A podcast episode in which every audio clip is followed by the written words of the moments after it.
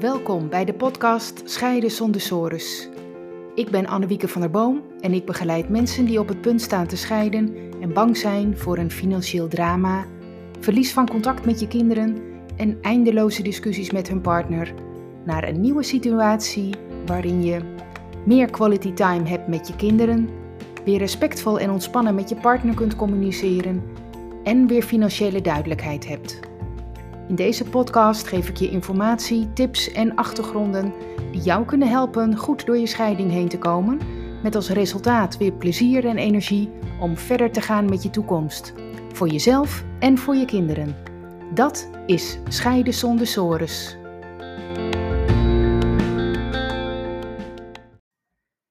Deze podcast gaat over de grootste valkuil bij het gesprek met je kinderen.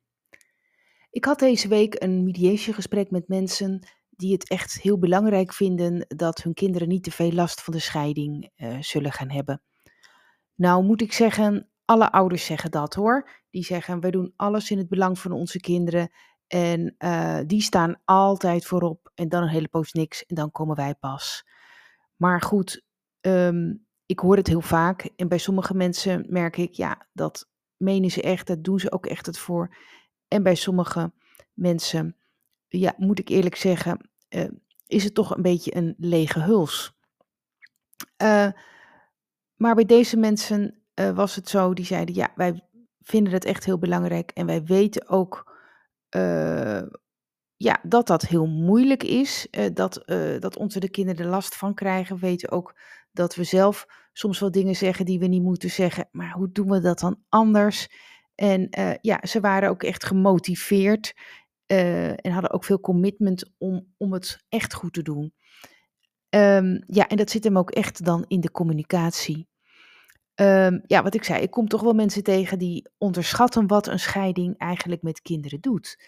Dat zijn ouders die zeggen, nou, maar goed, mijn kinderen die hebben er gewoon niet zo'n last van, want ik merk niets aan ze. En ik heb tegen mijn kinderen gezegd, als er iets is, kun je het altijd zeggen.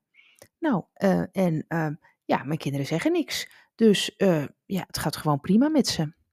Ja, dat is dus heel jammer. Ik kan het niet vaak genoeg zeggen.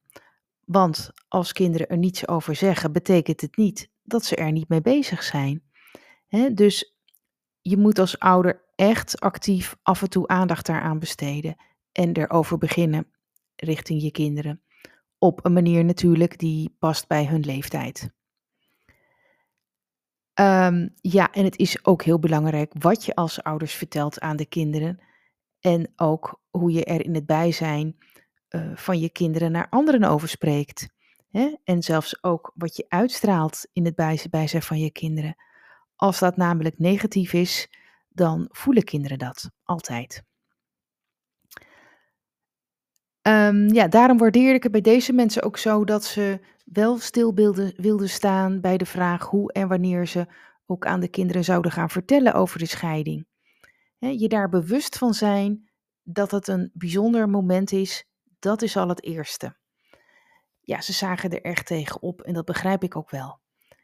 want als je in je omgeving andere mensen ziet die gaan scheiden, of ouders met kinderen die gaan scheiden, dan vind je dat vaak heel normaal. Ja, het gaat om andere mensen. Maar om aan je eigen kinderen te vertellen dat je zelf gaat scheiden, ja, dat is andere koek. Um, nou, ik heb met deze mensen er samen met hun tijdens de mediation heel uitgebreid over gehad. Hè? Um, en zo vonden ze ook een vorm en een uh, moment om het aan de kinderen goed te kunnen vertellen. En ook bijvoorbeeld aan de leerkrachten op school het was natuurlijk uh, nog wel steeds moeilijk en ook heel emotioneel, maar die voorbereiding die hielp gewoon goed. Het maakte het minder zwaar, want ze wisten wat ze moesten zeggen en ze wisten ook wat ze konden verwachten. Dat hielp gewoon enorm. Ja, en daarbij kwam ook één van de grootste valkuilen op tafel. En dat is negatief over de andere ouders spreken. En dan denk je, ja, dat doe ik toch niet. Ik weet heus wel dat dat, uh, dat het niet goed is. Maar het gaat zo snel. Hoe snel zeg je bijvoorbeeld, ook al zit je helemaal niet in een scheiding, uh, toch met een bepaalde toon iets over je partner? Hè? Bijvoorbeeld, ja, hij vergeet ook altijd. Of um, ja, hij is nu eenmaal iemand die nooit cadeautjes geeft. Of ik vind het niet erg hoor, maar. En dan ook een bepaalde toon erbij. Hè? Een heel klein beetje zo'n verwijtende toon. Ja, weet je, dat rolt er gewoon bij iedereen, eh, bij mij ook hoor, heel makkelijk uit. En dan, als je dan in een scheiding zit, dan is het extra moeilijk om je in te houden.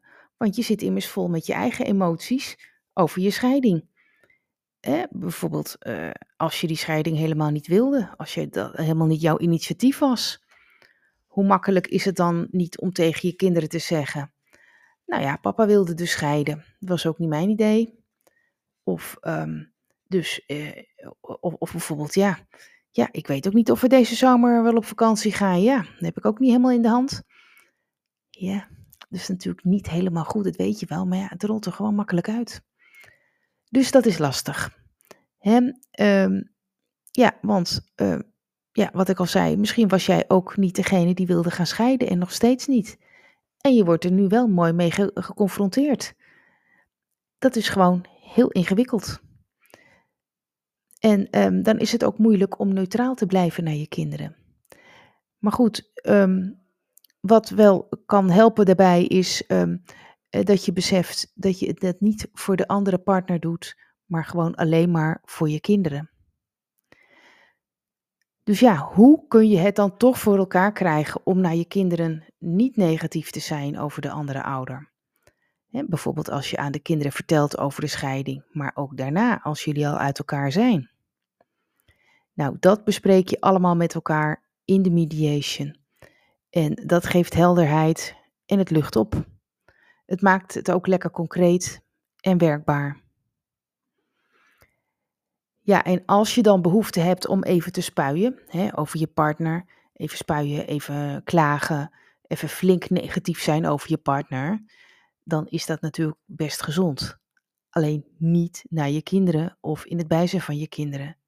Maar je kunt er bijvoorbeeld wel een uh, vriend of vriendin voor uh, uitkiezen. Niet allemaal natuurlijk, want dan hou je geen vrienden meer over. Maar um, als je er bijvoorbeeld eentje uitkiest, uh, kun je ook vragen aan diegene van, mag ik af en toe even lekker, even lekker tegen jou klagen? Hè, dan, dan lucht dat wel op maar niet, op de verkeerde, niet in de verkeerde omgeving. Nou, heb je het idee dat mediation voor jou misschien wel een passende manier is om je scheiding te gaan regelen? Hè? En wil je eigenlijk ook wel begeleiding om het straks echt goed te doen voor je kinderen? Nou, dan um, wil ik je vragen om de video die ik heb gemaakt uh, te bekijken. Uh, die kun je vinden op de homepage van mijn website. En mijn website is annewiekebemiddeld.nl. Even je e-mailadres invullen en uh, dan heb je direct toegang. Leuk dat je luisterde en tot de volgende aflevering.